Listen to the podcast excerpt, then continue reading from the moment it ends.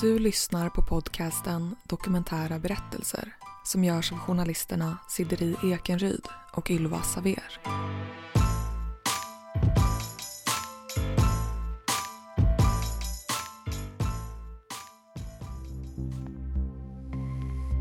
Jehovas vittnen är ett kristet samfund som funnits i Sverige sedan 1890-talet och enligt deras egen statistik har de omkring 8,7 miljoner medlemmar över hela världen. Men vad innebär deras tro?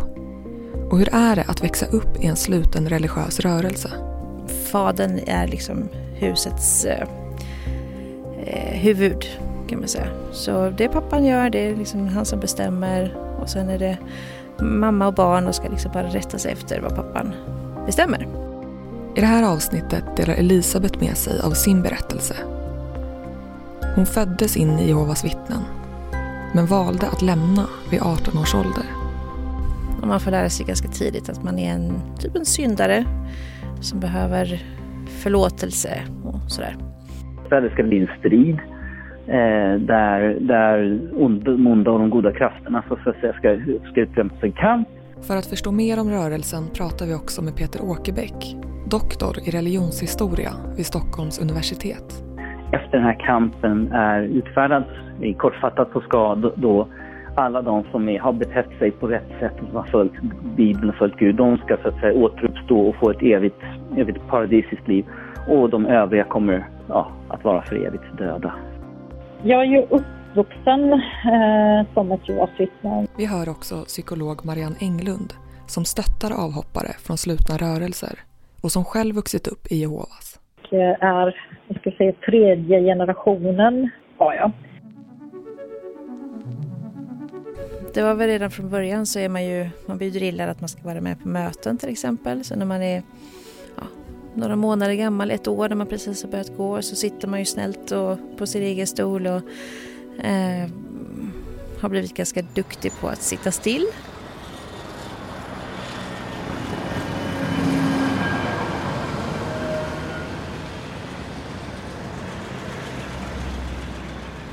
Elisabeth växer upp i en lägenhet på Hisingen i Göteborg som äldst av fyra syskon.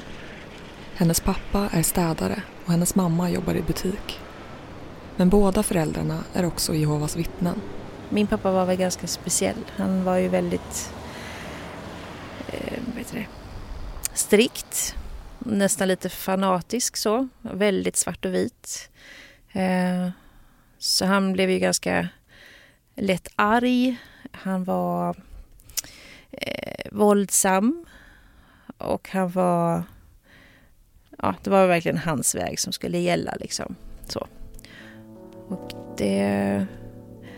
Man märkte väl inte så mycket av det när han var yngre, eller när jag var yngre. Men eh, sen när, ju äldre jag blev desto svårare hade han ju han att tygla mig så att säga då. Jehovas vittnen är en strikt kristen rörelse.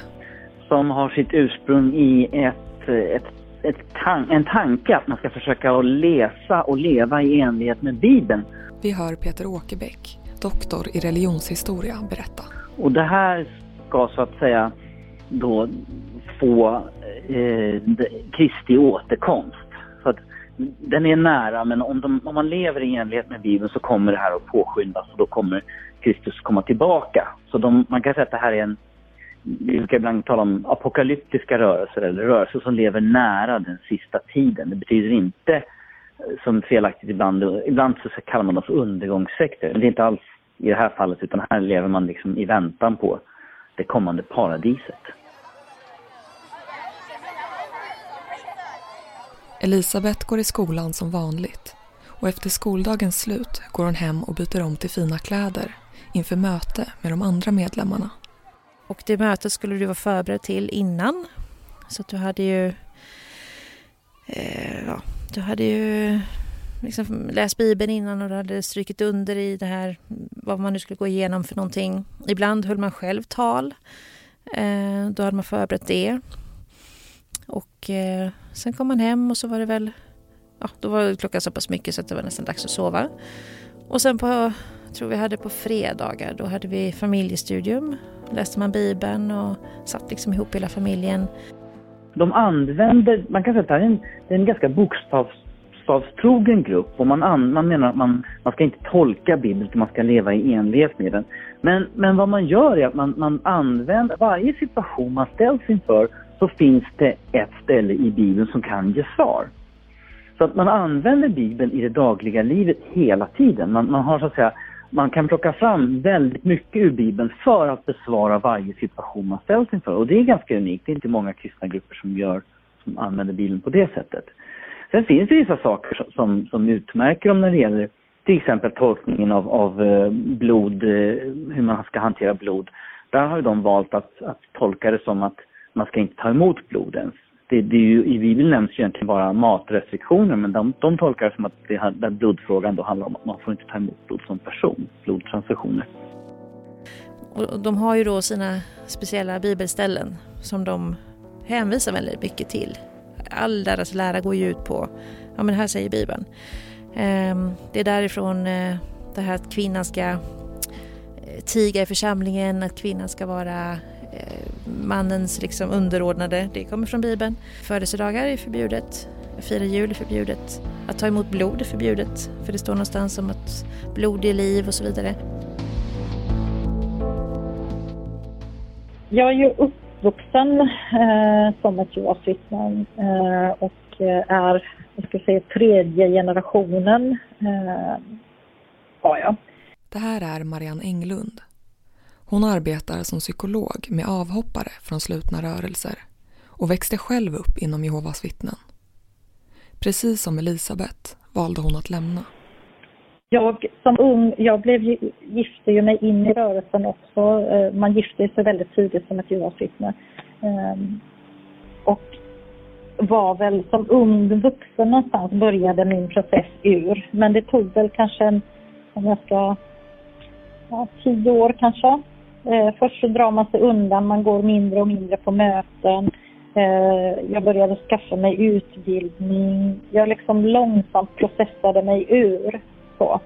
Eh, och vad som var startpunkten till det handlade mycket om att jag inte klarade längre av att självutplåna mig. Jag klarade inte längre av att eh, kväva allt, alla liksom, önskningar och drömmar som jag ändå hade i mig att vilja till exempel vidareutbilda mig. Det anses ju inte vara sådär jättelämpligt för att läran utanför är ju också en fara och risk för en. Så att man avråds från att inte skaffa sig högre utbildning. Så, för då kan man ju lära sig kritiskt tänkande. Och kritiskt tänkande är någonting som är väldigt, väldigt negativt inom Jehovas. Utan man ska då hålla sig till Jehovas vittnens liksom lära och läsa de böckerna och undvika allting annat. Så att det finns en kontroll över vilken information du eh, bör ta del av. Så. Tillbaka till Elisabeths berättelse. Som barn har hon inga större bekymmer med sitt liv som vittne. Men ju äldre hon blir, desto tydligare känner hon att hon är annorlunda. Det börjar ju i skolan till exempel. Då får du inte vara med på luciafirande, du får inte fira jul, du firar inte födelsedagar. Eh, du får inte vara med på några sportaktiviteter efter skolan. Allting ska liksom vara... Ja, det är ju de här mötena som du går tre dagar i veckan.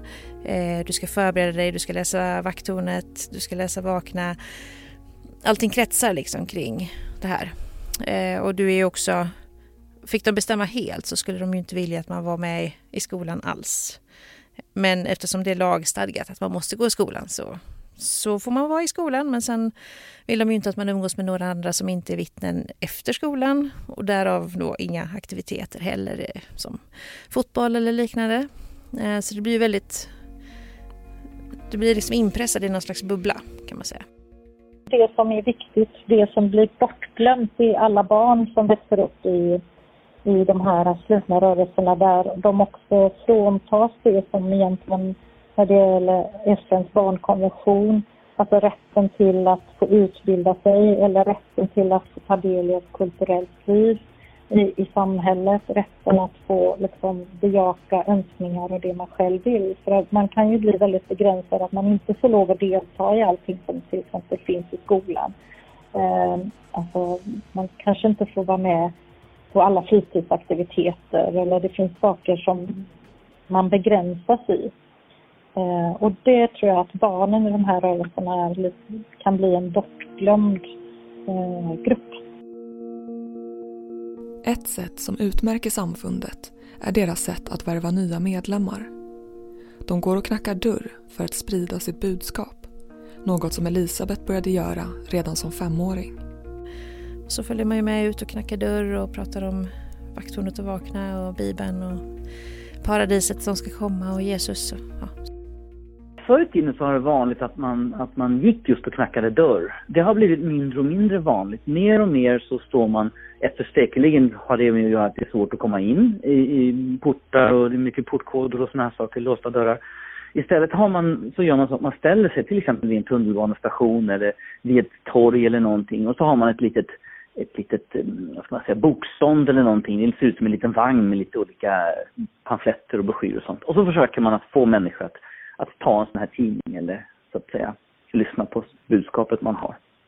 Eh, sen har man också börjat med eh, att, att, ringa runt. Man ringer till folk och frågar om de vill komma på en bibelstund och sånt. Det har blivit allt vanligare. Så att det har förändrats lite grann de senaste åren. Ibland kunde de ju vara jättesnälla. Eh, särskilt om det var någon liten gammal tant kanske. Så blev man bjuden på lite godis och så kanske man till och med fick komma in och, och prata lite grann. De kände sig ensamma och sådär. Eh, sen var ju, en annan gång minns jag, då var jag ute och gick ihop med en äldre kvinna. Och hon blev ju spottad i ansiktet på. Han gjorde ingenting med mig men det var, ändå, jag var, tror jag var sju år då. Så var, jag minns ju det fortfarande att det var väldigt traumatiskt för mig att se det här. Och han var ju vansinnig på henne. Eh, så man kan ju liksom möta allt möjligt. Men det var ju att man, man knackade på och sen så eh, hoppades man då att någon skulle öppna.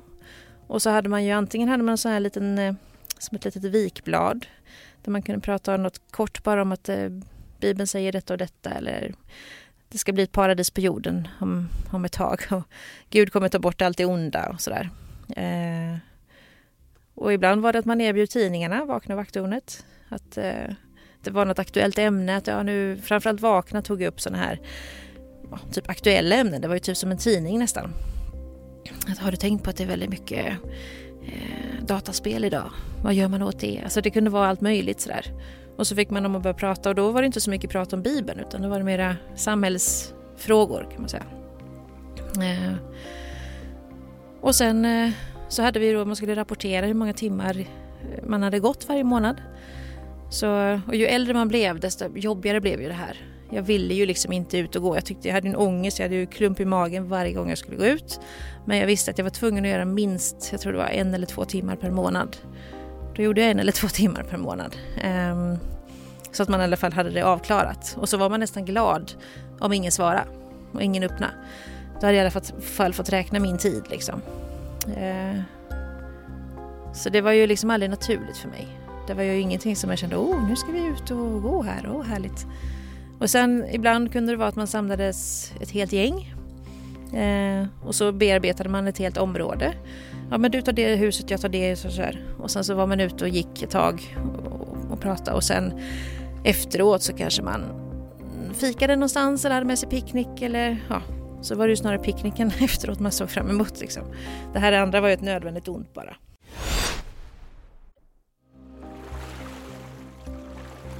När hon är 14 år är det dags att döpa sig. Du går ner i en bassäng eh, inför liksom, på en sån här stor sammankomst inför flera hundratals vittnen och sen så sänks du ner under vattnet eh, med ansikte och allting och sen så kommer du upp och då, då är du liksom döpt. Då. Hon har börjat tvivla men tänker att det kanske kommer kännas bättre om hon hänger sig mer åt tron. Och nu hade jag ju väldigt mycket vänner som var vittnen eftersom man inte umgås med några utanför så blir ju alla mina vänner såklart innanför istället. Eh, så min bästa kompis och eh, våra familjer, vi umgicks jättemycket. Och då kände man inte att man saknade så mycket heller i början. Utan då var det mm, på något sätt att man tyckte att det var ganska okej. Okay. Eh, men sen när tonåren kom när det plötsligt blev intressant med killar till exempel. Och det är ju strängt förbjudet. Du får inte ha sex innan du gifter dig och sådär. Du får inte klä dig i utmanande kläder. Du får inte vara ute och dansa. Eh, då blir det väldigt märkbart. Alltså då känner du av det ännu mera, att du är annorlunda jämfört med alla andra. Eh, sen var jag en sån person som fick former ganska tidigt, tidigt utvecklad. Och då fick man plötsligt väldigt konstiga kommentarer från de här som styrde i församlingen. Då kunde det vara att ah, du får inte klä dig sådär för att du är för sexig. Du har för mycket former så du måste dölja dig själv. Eh, så det lades mycket tabu på en. Och det gjordes ganska tidigt eftersom jag var utvecklad redan när jag var tio år. Eh, så för mig blev det jobbigt ganska snabbt. Att man kände att jaha, nu är jag, nu är jag fel. Nu, är jag, nu gör jag fel. Nu är jag en syndig människa. Liksom. I de senare tonåren får Elisabeth för första gången uppleva hur bestraffning går till om man gjort något fel. Straffen är ju hur de fryser ut. Hur de gör att man känner sig som världens minsta människa. Liksom. Eh, och det kom ju framförallt då när jag växte upp och eh, blev tonåring och träffade en kille, hade sex med honom. Då, då bröt ju helvetet ut sen. För då, då fick jag tvingas att erkänna vad jag hade gjort för det första. Och då sitter det liksom fem, sex män som är då typ eh, äldstebröder och ska lyssna detaljerat på vad jag har gjort, hur det gick till, massa, massa detaljer, eh, ställer massa intima frågor eh, och sen så ska ju de avgöra om jag ångrar mig eller inte. Alla Jehovas vet vad det betyder att hamna i B-salen och det är, du blir inkallad till så att säga äldste, som de heter, eh, för att du kanske har gjort någonting som är olämpligt och fel, så du hamnar i, i någon slags upptäcktsmöte eller i ett förhör.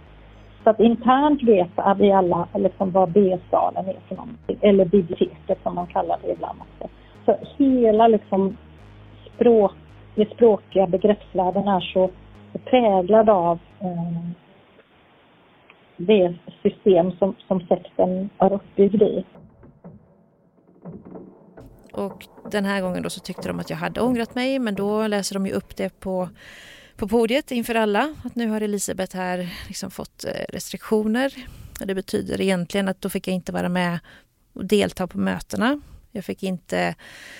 Eh, man skulle inte prata med mig så mycket. Alltså man fick prata med mig men det var ändå, jag var ju märkt på något sätt då.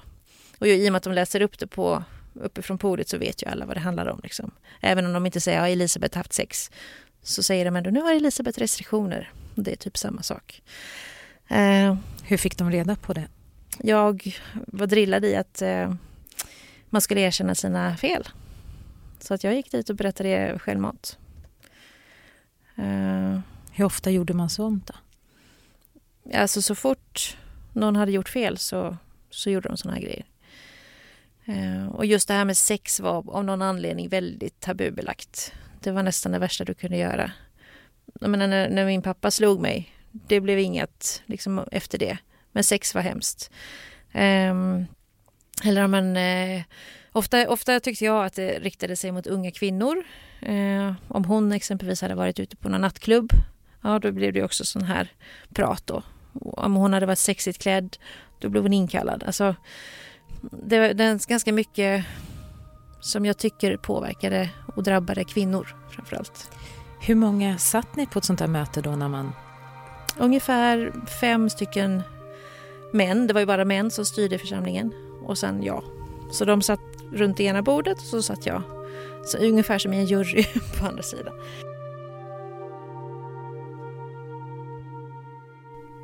När hon är 17 år har hon blivit kär och dejtar en kille på nytt. Han var ju också vittne. Eh, jag var super, super kär i honom. Och eh, vi skötte oss väldigt bra. Han bodde nere i Göteborg. Jag åkte hem till honom fast vi sov aldrig tillsammans. Han åkte ner till sin granne och sov där. Och så. så vi skulle liksom vara jätteduktiga tills det inte funkar längre. Man är liksom kär och hormoner i kroppen. Eh, då försökte ju han ta livet av sig och skyllde allt på mig. Um, så jag blev liksom av med då typ min stora kärlek. Jag blev anklagad för att jag hade typ förfört honom. Och så fick jag då sitta och prata igen med det här förhöret. Eh, och det var fruktansvärt. Och då förlängde de ju restriktionerna då ännu längre. Och då kände jag bara, ja, jag liksom tynar bort. Jag mår så dåligt av det här. Den här stämplingen av att du är inte okej. Okay. Du är en hemsk människa. Liksom, du är en syndare, du har gjort fel. Det var som att man bankar in det här i huvudet på mig hela tiden. Eh, och sen när jag var 18 så... Jo, då skulle jag åka iväg på en resa ihop med min kompis. Och så när jag berättade det för pappa så försökte han förbjuda mig. Du får inte åka iväg. Um, och då så minns jag att jag bara sa det, ja men jag, jag struntar i dig nu. Vi kan skita i det här med vittnena också. Jag lämnar alltihopa nu för jag orkar inte mer. Ja, det var det jag visste hela tiden, att du skulle försvinna så fort du blev 18. Och så. Men då var jag ju 18, så kunde han ju inte bestämma över mig längre. Och sen var det som att när man väl hade sagt det där högt, då blev det på riktigt. Så då skrev jag ett brev till eh, ja, de här som bestämmer i församlingen. Och skrev att jag vill inte vara med mera, så ni kan betrakta mig som utesluten från och med nu. Och sen eh, fick de läsa upp det brevet då på, framför församlingen. Peter Åkerbäck har i sitt arbete genomfört intervjuer med människor som vuxit upp i Jehovas vittnen. Både avhoppare och personer som fortfarande är medlemmar. De som växer upp och sen lämnar gruppen eh, blir så att säga, då, om, man, om man väljer att gå med i gruppen så blir man sen, och, och sen går ur, då blir man utesluten. Och då vänder alla andra i församlingen en ryggen, man blir så att säga en, en, utanför. Man, kan, man har möjlighet att komma tillbaka men det är inte ofta man vill göra det. Och det där upplever många som väldigt, väldigt tufft, väldigt hårt. Man kanske har alla sina vänner, alla släktingar, allting i, i gruppen och sen så helt plötsligt så vänder alla en ryggen och det är en ganska tuff situation för, för många, och vilket är ganska förståeligt. Då betraktar ju alla mig som död efter det. De pratar inte med mig, ser de mig på gatan så går de liksom över till andra sidan. Och det visste jag ju om, att det skulle bli så.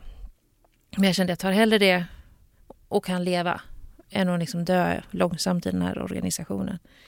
Avhoppare från, från eh, Jehovas, de ställs ju väldigt mycket inför det här att de blir så ensamma att de blir helt och hållet uteslutna och de kanske förlorar väldigt mycket av sina vänner, sin familj och allting som vänder om ryggen.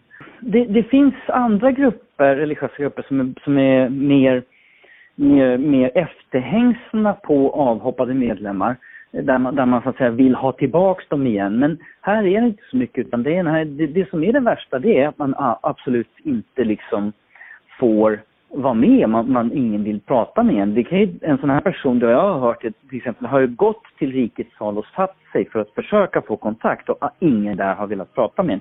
Det måste vara en ganska tuff upplevelse att, att ens forna vänner bara, bara totalt inte, inte söker inte någon kontakt med en. En del av tron inom Jehovas vittnen omfattar Harmageddon det är en plats som nämns i Bibelns uppenbarelsebok och där kommer det sista kriget ske mellan det goda och det onda. Det ska bli en strid eh, där, där de onda och de goda krafterna så att säga, ska, ska utkämpas en kamp.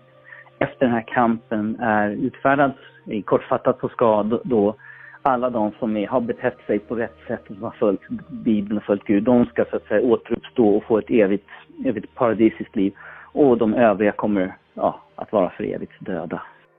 Jag minns ju då när det här 9-11 var. Då tänkte jag, jaha, nu kommer det. Nu kommer Harmageddon. Um, och jag, jag blev själv chockad över hur jag reagerade på det. För de tror ju det här att Harmageddon ska liksom utlösas av att det blir ett krig mellan religioner. Um, jag tänkte bara, oh shit, nu är det på gång liksom. Och jag, jag hade sån fruktansvärd panik. Eh, det känns som att man har på något sätt ändå ja, varit beredd på det här. Och Okej, okay, om nu, om vi säger att de har, har rätt då. Eh, att man kanske ska dö i Harmageddon så vill jag ändå försöka leva så mycket jag kan nu när jag kan leva då. Eh, men det satte sig jättehårt i mig minns jag. Och sen Eh, Ja men det har väl varit andra grejer också när man känner Ja men där man tycker att aha, de, deras tolkningar av saker, det kanske faktiskt stämmer. Eh, men det var länge sedan nu. Nu känner jag att nu har jag kommit ifrån det. Men det tog... Jag skulle tro att det tog närmare tio år innan jag var helt liksom fri ifrån tankar och mardrömmar. Och, men däremot så är jag ju fortfarande påverkad av... Jag kan ha issues kring min kropp till exempel idag.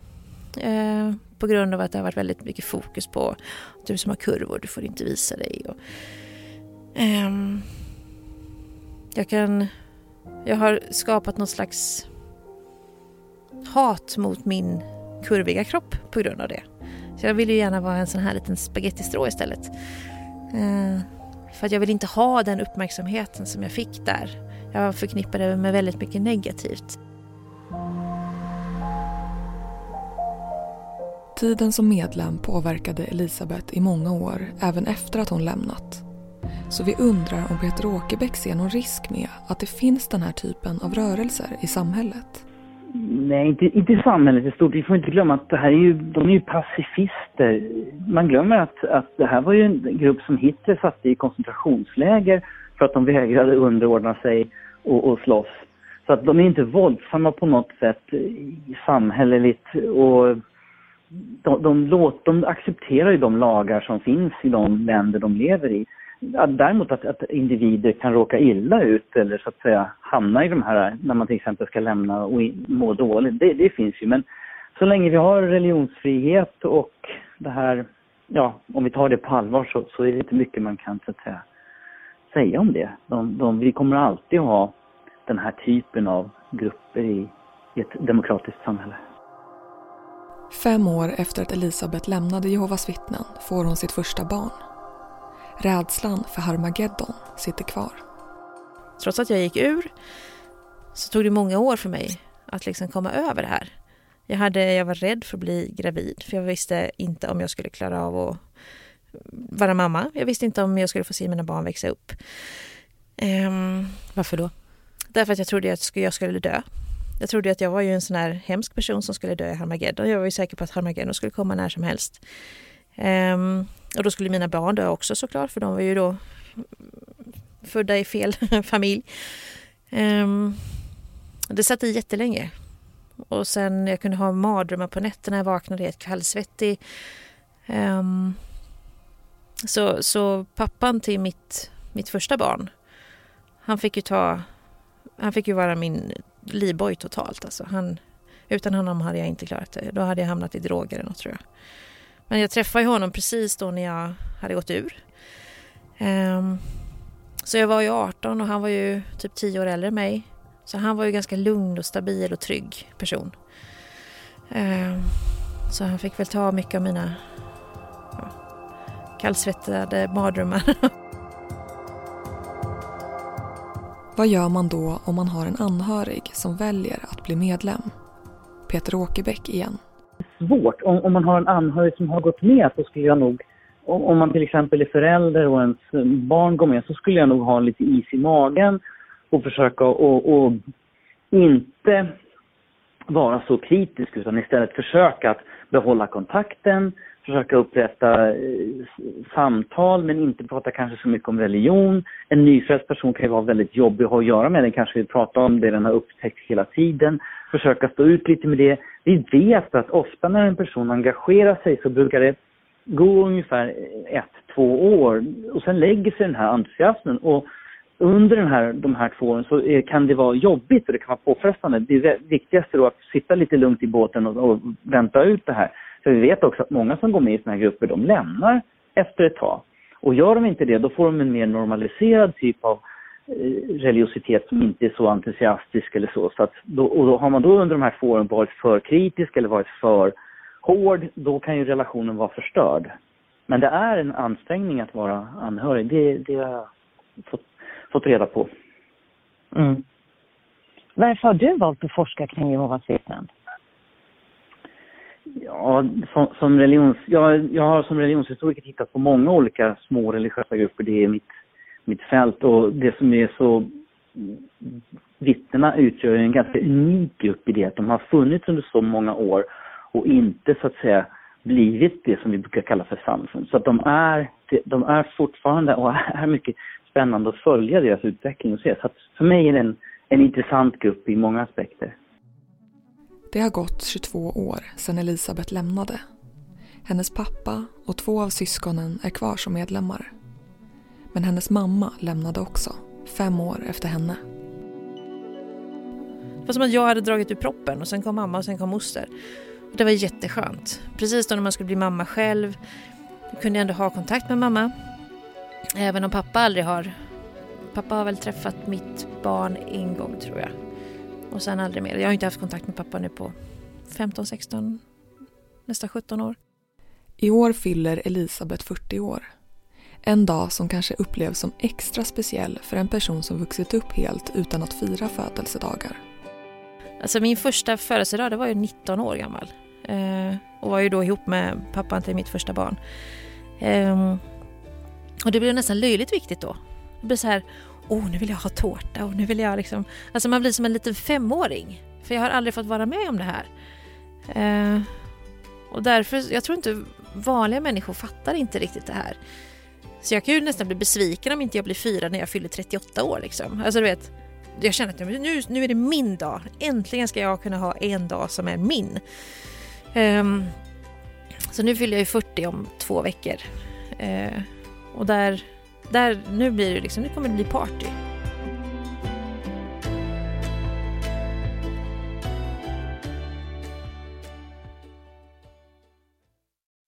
Du har lyssnat på avsnittet om Jehovas vittnen. Vill du komma i kontakt med oss som gör den här podden? Maila oss på kunskapsstudion gmail.com.